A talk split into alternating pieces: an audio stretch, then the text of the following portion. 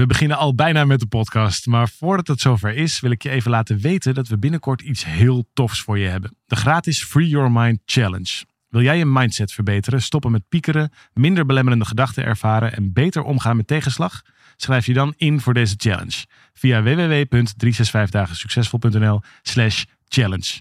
Het is van 26 mei tot en met 29 mei en ik heb er heel veel zin in. We beginnen nu met de podcast.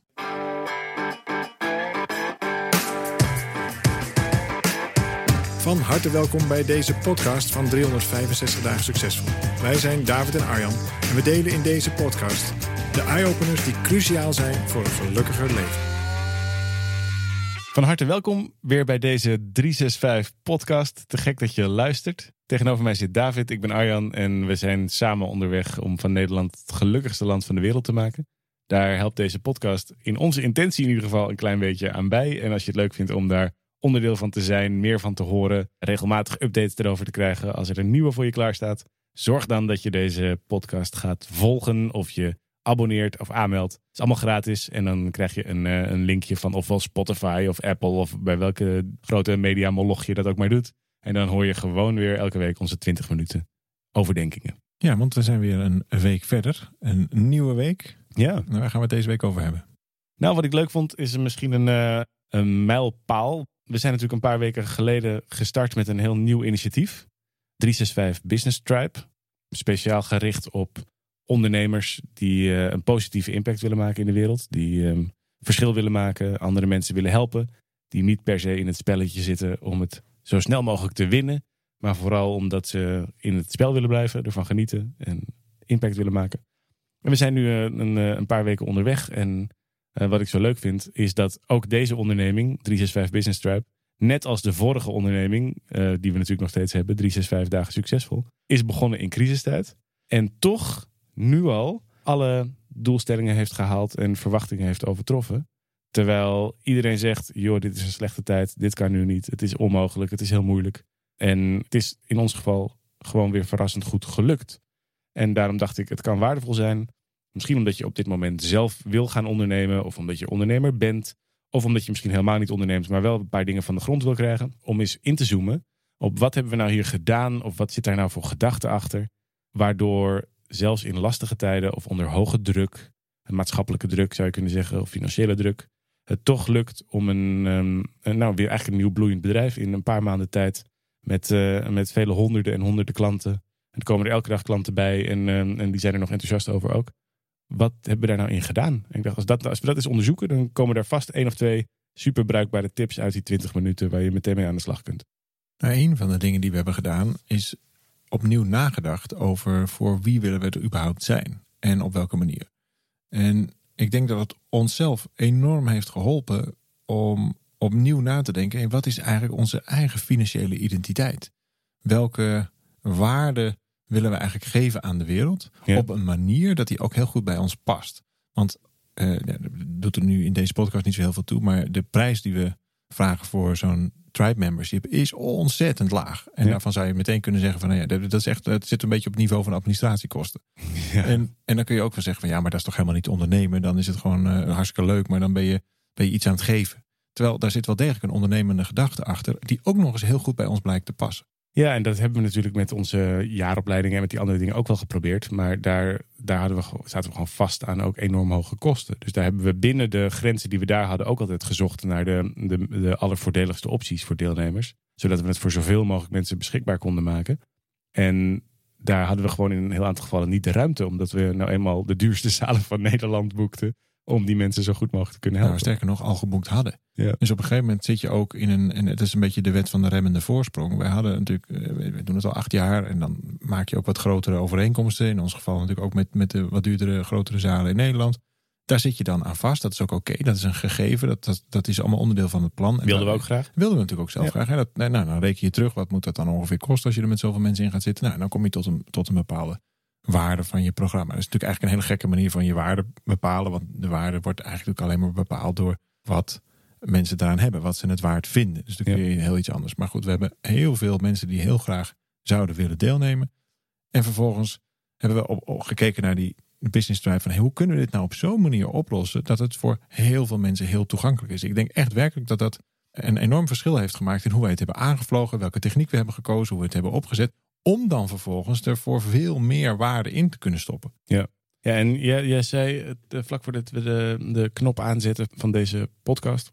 Nou, het kan wel interessant zijn om als je nu een onderneming wil opstarten, om eens op zoek te gaan naar welke fases je er eigenlijk bestaan in ondernemerschap. Waar je, welke stappen je daarin zet. En wat er dus ook in die stappen misschien wel anders gebeurt. Waardoor je. We zitten nu duidelijk met, die, met, met 365 Business Tribe, omdat we pas twee maanden begonnen zijn, of nog niet eens. Daar nu de eerste enthousiaste klanten in hebben. In een andere fase dan in een bedrijf wat al uh, acht jaar bestaat. Of hoe lang bestaan we al met, met uh, 365? Ja, ruim, ruim, acht jaar, ja. En het kan zinvol zijn, omdat namelijk bij elke, bij elke fase horen andere vragen, horen andere competenties, misschien zelfs wel, hoort een, een andere agenda, horen ook andere, andere uh, mensen. Andere investeringen, andere mensen. En het kan helpen om die dingen niet door elkaar te halen. Want dan ga je misschien wel in een verkeerde fase de verkeerde dingen doen. Ja, we hebben wel eens in een eh, business seminar aan de zaal gevraagd: in welke versnelling staat jouw onderneming? Ja. En dan, dan even de, de analogie, de metafoor van een auto. In welke versnelling staat die dan? En dan is eigenlijk het gas geven is ook geld uitgeven, is, is je investering. Ja. Dan moet je maar eens proberen. Je wil hem heel graag in zijn zes hebben en dan heel veel gas geven. Terwijl je eigenlijk nog stilstaat. Ja. Ja, dan, of je nog maar een heel klein autootje rijdt, die misschien niet eens een zesde versnelling heeft, kan ook nog. Dus mijn, het- mijn het- auto heeft geen zesde versnelling. Die van jou wel? Ik heb een traploze. Oh, kijk. Ik heb maar één versnelling. Oh, gewoon heerlijk. eh, Gas en remmen.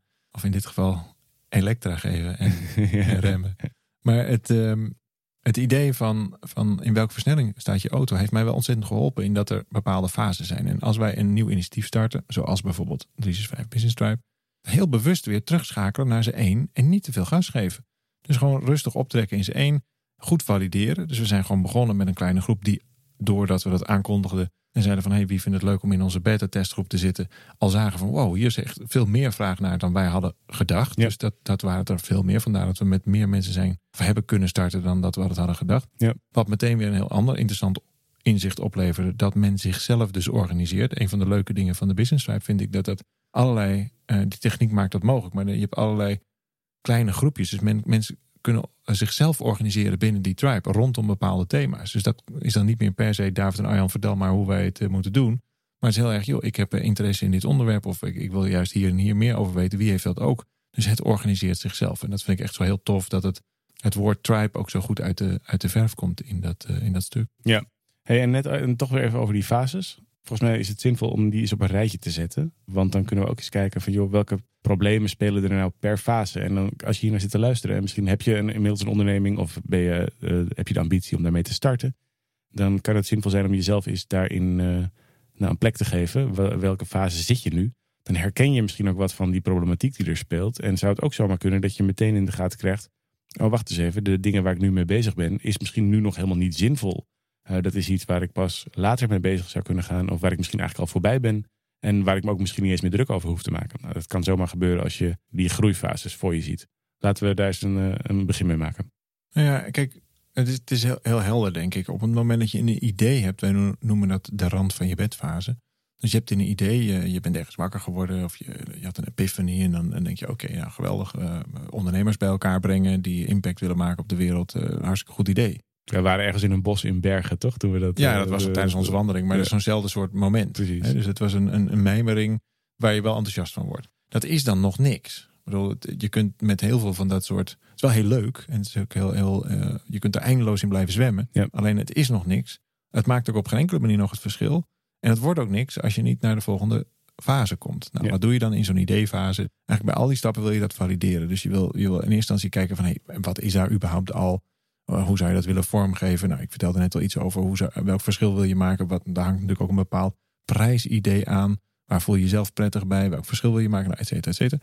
En dan vervolgens breng je dat eigenlijk automatisch door dat te doen naar de volgende fase. En dan valideer je vervolgens dat weer, namelijk de keukentafelfase. Ja, en toch, toch voordat je daarover verder gaat, ik denk dat heel veel, um, dat er veel beginnende ondernemers lange tijd in die rand van de bedfase zitten. En daar ook bezig zijn met bijvoorbeeld uh, het laten maken van visitekaartjes. Of het uitgebreid uh, maken van een ondernemingsplan of een um, marketingstrategie. Dat is ook al een klein beetje keukentafel, maar dat is allemaal nog heel erg het begin. Zonder dat er al een klant is. Of misschien zelfs wel zonder dat er een verdienmodel is. Dus in eerste instantie is er vooral een droom, een verlangen om te ondernemen, vrij te zijn of mensen te helpen of wat je motief daar ook maar in is.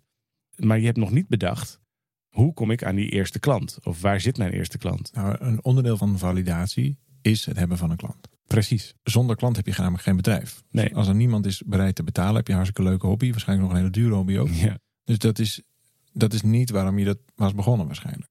Nee, maar dus is het volgens mij zinvol om jezelf erop te betrappen. Van, joh, ik ben eigenlijk bezig met het inrichten van eh, allerlei administratieprocessen of een website uitgebreid bouwen, fine-tunen toestanden. Terwijl er is nog niet eens één klant. Dus als je nog geen klant hebt, weet je ook nog helemaal niet of überhaupt je ding ooit gaat werken.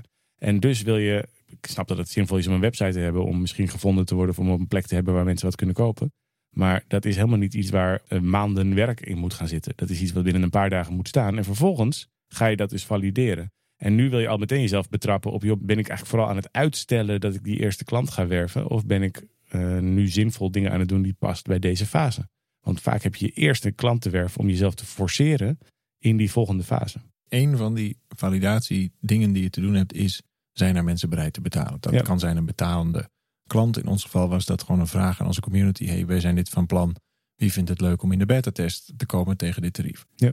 En dat waren dus ineens veel meer dan we dachten. Nou, ineens zit je dus ook, omdat je het gevalideerd hebt, aan de keukentafel. En dan vervolgens, in die fase ga je kijken, hey, wacht eens even, met wie gaan wij dit dan samen doen? Dan, dan begint er al iets van een bedrijf zichtbaar te worden. Dan ga je een aantal technische keuzes maken. Of in ieder geval in ons geval. Dan krijgt dat product eh, verder vorm. En dan begin je zelfs met een, met in ons geval met een lancering. Dus die, dat je, dus, oké, dit is het. Het is allemaal nog heel erg eh, in beta, maar, maar kom er maar in. En, en geef ons vooral, en dat is eigenlijk het belangrijkste ding van validatie, is feedback. En dus een van de speerpunten ook in het programma is feedback is fuel. Dus op het moment dat je denkt dat jij alles weet en ook alles over je klant weet en ook denkt te weten wat die klant allemaal wil, dan heb je sowieso een mega grote bananenschil te pakken, want dat kun je namelijk helemaal niet weten. De beste manier om daarachter te komen is door het simpelweg aan ze te vragen. Dus we hebben een aparte rubriek, de feedbackrubriek. En mensen geven daar, of hebben in ieder geval in die beta-testfase eindeloos veel feedback gegeven. Ook gewoon simpelweg over dingen die wel niet werkten, praktisch en technisch gezien. Maar ook over dingen waar ze meer over zouden willen weten. En al die input maakte vervolgens dat dat bedrijf ook nou, een, een, een, een vorm kreeg die we met elkaar ontdekken. Dus onderdeel van keukentafelfase is ook validatie vanuit die klant. Feedback is fuel. Ja, check eens bij jezelf of je dat, ehm, eh, of je dat doet. Nou, met name, ik wil eigenlijk zeggen of je dat durft. Want er is een bepaalde vorm van moed voor nodig. We hebben dat zelf ook wel moeten leren. We waren in eerste instantie, ook toen we met onze jaaropleidingen begonnen, eh, helemaal niet zo enthousiast over het ophalen van feedback. Want daar, weet je, we hadden daar vaak het argument ook bij van ehm, eh, eh, wat Henry Ford ook nog wel eens heeft gezegd. Dat als je aan de mensen vraagt wat ze willen hebben, dan zeggen ze snellere paarden. En dan had, hij dus nooit het verhaal daarbij, is dat hij dan nooit het idee van een auto had bedacht. Dus vraag het vooral niet aan de mensen, was wat Henry Ford zei. En dat hebben wij lange tijd eh, ons ter harte genomen. Maar ook eerlijk gezegd een beetje met het idee dat we geen, gewoon spannend vonden. Omdat we gewoon niet wisten wat mensen zouden zeggen. En vooral onze energie wilden besteden aan eh, waar we vertrouwen uithaalden en op verder konden. En dus ook accepteerden dat er mensen waren die het eh, minder goed vonden of er wat niet zoveel mee konden. En dan zeiden we, nou, dan zijn we er gewoon niet voor. En dat kan je best wel een hele tijd volhouden hoor. Er is helemaal niet zo heel veel mis mee. Maar nu in die business tribe hebben we het meteen omgekeerd gedaan. Omdat dat inmiddels ook bij 365 dagen succesvol de, de, eigenlijk de leidraad is. Dat je juist zoveel mogelijk feedback wil ophalen. Een heel simpel praktisch voorbeeldje wat ik gewoon heel leuk vond. Is dat in die business tribe geven we je heel vaak eh, templates. Dat zijn een soort invulbare velden, stappenplannetjes. Of um, om je financiën op orde te krijgen. Of om je marketing funnel op orde te krijgen. En dat kun je dan gewoon invullen hoe dat bij jou is of hoe je wil dat het is. En wij vroegen, en wij kregen opeens in de feedback dat mensen het zo fijn vonden als ze die dingen ook konden printen. Dus als er wat minder kleur op die pagina stond. Nou, dat, hadden we, dat is nou echt een voorbeeld waarmee in één keer de klanttevredenheid omhoog ging. Terwijl dat hadden we nooit zelf bedacht. Want wij zijn niet van die printers, dus wij vullen het vooral dan online in, want dat zijn van die online invulvelden. En dat hadden we gewoon, dat idee hadden we nooit bedacht. Dus, dus soms is het zo waardevol, uh, of eigenlijk altijd is het zo waardevol om gewoon aan klanten te vragen: joh, hoe kan ik je nog beter helpen? Waar, waar loop je tegenaan? Omdat anders de meeste ideeën bedenk je gewoon niet zelf, omdat je niet altijd in dezelfde wereld leeft. Liet dit me weer opnieuw heel duidelijk zien. Nee, en dit blijft ook zo. Hè. Dit, is, dit is typisch voor deze fase, maar er zijn Ja. nog wel meer uh, belangrijke punten in deze fase. En ook in volgende fases komt feedback ook weer heel duidelijk terug. Maar wat je dus wilt doen, is dat je dus je prijs valideert in een eerdere fase. Want dat geeft je namelijk bestaansrecht. En vervolgens in deze fase wil je valideren of je product ook daadwerkelijk waarde toevoegt. Want dan weet je dat je, als je dat niet doet, ons product werkt op basis van per maand. Je kunt ook per jaar, maar eh, de aanbieding is per maand. En dan vervolgens, eh, dan, dan, ja, dan kun je wel één maand uh, hartstikke enthousiast op basis van wat je denkt te bieden. Of wat, wat, je, wat je denkt dat zij nodig hebben, kun je relevant zijn. Maar dan zeggen ze allemaal na een maand weer op. Ja. Nou, dat was dus voor ons ook het, het meest spannende moment. Want daarmee valideer je ook, en, na, na onze eerste maand, van hey, voegen we waarde toe. En dus uitschrijvingen was voor ons het meest, nou ja, de, de, de, meest rauwe realiteit. Nou, dat gebeurde niet na een maand. Dat was echt super goed. Bijna om, niet, om, een paar. Ja. ik geloof vier, vier afmeldingen hadden uit mijn hoofd. Ja.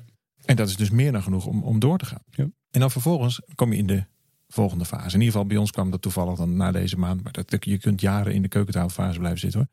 En ineens kom je in de garagebox. En dan ineens wordt het een winkeltje. Dan, dan, dan heb je ineens openingstijden. Dan krijg je ook uh, administratieve processen. Uh, in de vorm van, ja, mensen gaan inderdaad afzeggen. Of juist zich aanmelden. Of uh, wil ik omschakelen van een maand naar een jaarabonnement. En allemaal dat soort dingen. Dus je krijgt ineens iets meer een bedrijf. In, in, ook hier weer in vorming. en dat, is, dat vind ik wel aardig om dat te zien als een, als een garagebox. Want het is nog wel aan je huis. Je bent er nog heel erg zelf bij betrokken. Maar je kunt duidelijk al niet meer alleen. En de klant krijgt ook een veel belangrijkere plek. Die heeft duidelijk een plek om naartoe te komen. Ja, en ik denk, jij zegt nu, je kan het duidelijk niet meer alleen. En ik denk dat dit wel iets is waardoor veel ondernemers, ook startende ondernemers, zichzelf langer aan die keukentafel houden dan dat ze eigenlijk zouden willen. Of dat dat goed voor ze is. Omdat ze nog heel lang wel denken dat ze het zelf moeten doen. Uh, dus ook los van het maken of het leveren of het verkopen van het product, ook daar de hele administratieve rompslomp daarachter zelf voor hun rekening nemen. Omdat het nou eenmaal ook ja, geld kost als je dat aan iemand anders gaat vragen. Waarbij je niet goed genoeg hebt doorgerekend wat het jou zelf kost aan tijd en energie. Maar ook gewoon aan niet besteedbare uren om bijvoorbeeld nog weer nieuwe verkoopcampagnes te doen. Of marketingcampagnes of goede deals te sluiten of andere klanten te helpen. En daardoor denk ik dat heel veel ondernemers lange tijd nog zeg maar dit soort achterkantprocessen blijven doen, terwijl dat en niet hun talent is, ze er al helemaal geen energie van krijgen. Uh, die processen zijn cruciaal, daar zijn ook heel veel mensen heel goed in en uh, hebben daar ook heel veel plezier in.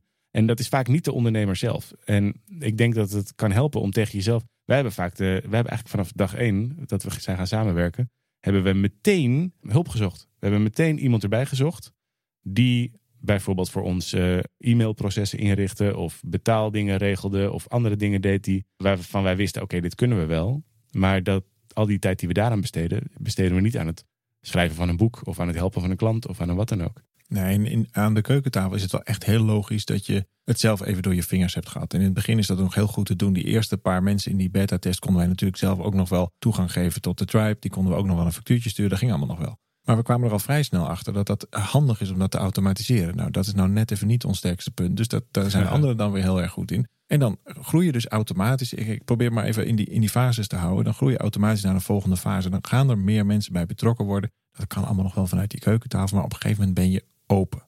Dan heb je in ons geval heb je een gevalideerde test. Dan is die feedback is verwerkt. Dan wordt dat een product.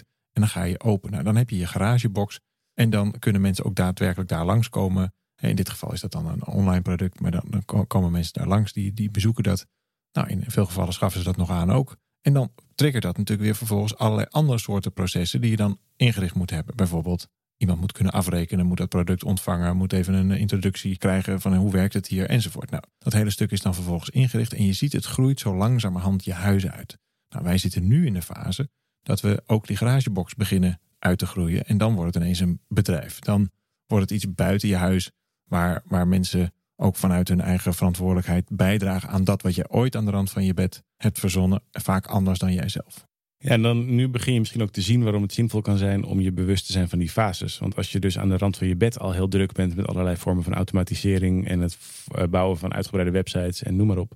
Terwijl je nog niet eens hebt getest of iemand wel op je product zit te wachten, dan ben je je tijd aan het verspillen en schiet het niet op. Dan ben je misschien wel een, een mislukking aan het organiseren. Terwijl als je twee stappen verder bent en je zit al in je garagebox en je bent dan nog steeds bezig met het uh, uitgebreid doen van je administratie zelf, terwijl je misschien ook alweer een volgende stap zou kunnen zetten, dan schiet het ook niet op. Want dan ben je namelijk iets aan het doen wat, waar je al voorbij bent. En het helpt dus ontzettend om te kijken of je agenda en of jouw tijdbesteding, je energiebesteding, je creativiteitsbesteding past bij de fase waar je nu met je ondernemerschap in zit. Want je hebt de rand van je bed, daar horen dingen bij. De keukentafel horen dingen bij. En de garagebox horen dingen bij. En dan is er nog een laatste, toch? Nou, dan, ga je, nou, dan wordt het een bedrijf. Dus En dan- dan, dan, precies, dan ben je, ben je een, een jong bedrijf. Hè? Dus dan eh, ben je een start-up. En daarmee zit je in een... eh, Waarschijnlijk, eh, oh, je kunt dat natuurlijk nog prima ook, ook online organiseren op allerlei manieren. Maar even in, in dit beeld zit je dan dus in een kantoor Ja. met, met andere mensen. Maar het belangrijkste kenmerk van, dat, van, van die fase is dat andere mensen eindverantwoordelijke taken pakken. En zo ook in de, in de business tribe, dat is gewoon te groot geworden voor, voor David en Arjan. Om dat met z'n tweeën nog zowel administratief als inhoudelijk als qua marketing. Om het allemaal zelf te doen. Dus dan, dan zijn er niet alleen maar mensen aangehaakt die jou helpen. Maar dan zijn er mensen aangehaakt die zelf dingen bepalen. Ja, en zo maak jij weer als ondernemer weer, heb je weer je vrijheid terug om weer maximaal van waarde te zijn binnen het stuk wat jij kunt. Nou, check eens bij jezelf. Als je dit zo hoort, wat is nu de fase die, waar ik nu in zit? Passen mijn bezigheden bij wat ik aan het doen ben? En kijk eens of je daar een andere keuze op kunt maken. Want dat helpt je ontzettend om je snelheid te behouden en om vooral ook gewoon een leuker leven te hebben. Veel dank voor het luisteren. Ja, het zit er weer op. Dat waren een beetje de overdenkingen van Ja. deze week. Als je het nou wat vindt, of als je er niks van vindt, ook prima. Laat het ons vooral weten. Deel deze podcast. Daar help je ons ontzettend mee. Laat een reactie achter bij ons op de Facebookpagina of waar dan ook. Vinden we ontzettend tof. Daar leren we ook weer van. Abonneer nog even op het kanaal waar je dit luistert. Dan krijg je automatisch een bericht. En dan zijn wij er volgende week weer. Ja, en nog één laatste ding daarover. We hebben het nu met je gehad over 365 Business Tribe. Dat ding heeft een website. Daar kun je ook kijken wat er nou precies in gebeurt. En kun je je ook gewoon aanmelden. Het kost bijna niks. Het is voor ondernemers die het leuk vinden om de wereld te veranderen. En die graag het fijn vinden om dat samen te doen en wat dingen te leren daarover. We helpen je graag. Het heet 365businesstribe.nl. En dan eh, vind je daar antwoord op alle mogelijke vragen die je maar hebt. En kun je er ook voor kiezen om deel te nemen. Leuk als je, als je een tijdje meeloopt. Ja. zien je graag. Wie weet zien we je daar. En anders volgende week weer op de podcast. Heb het goed. Adieu.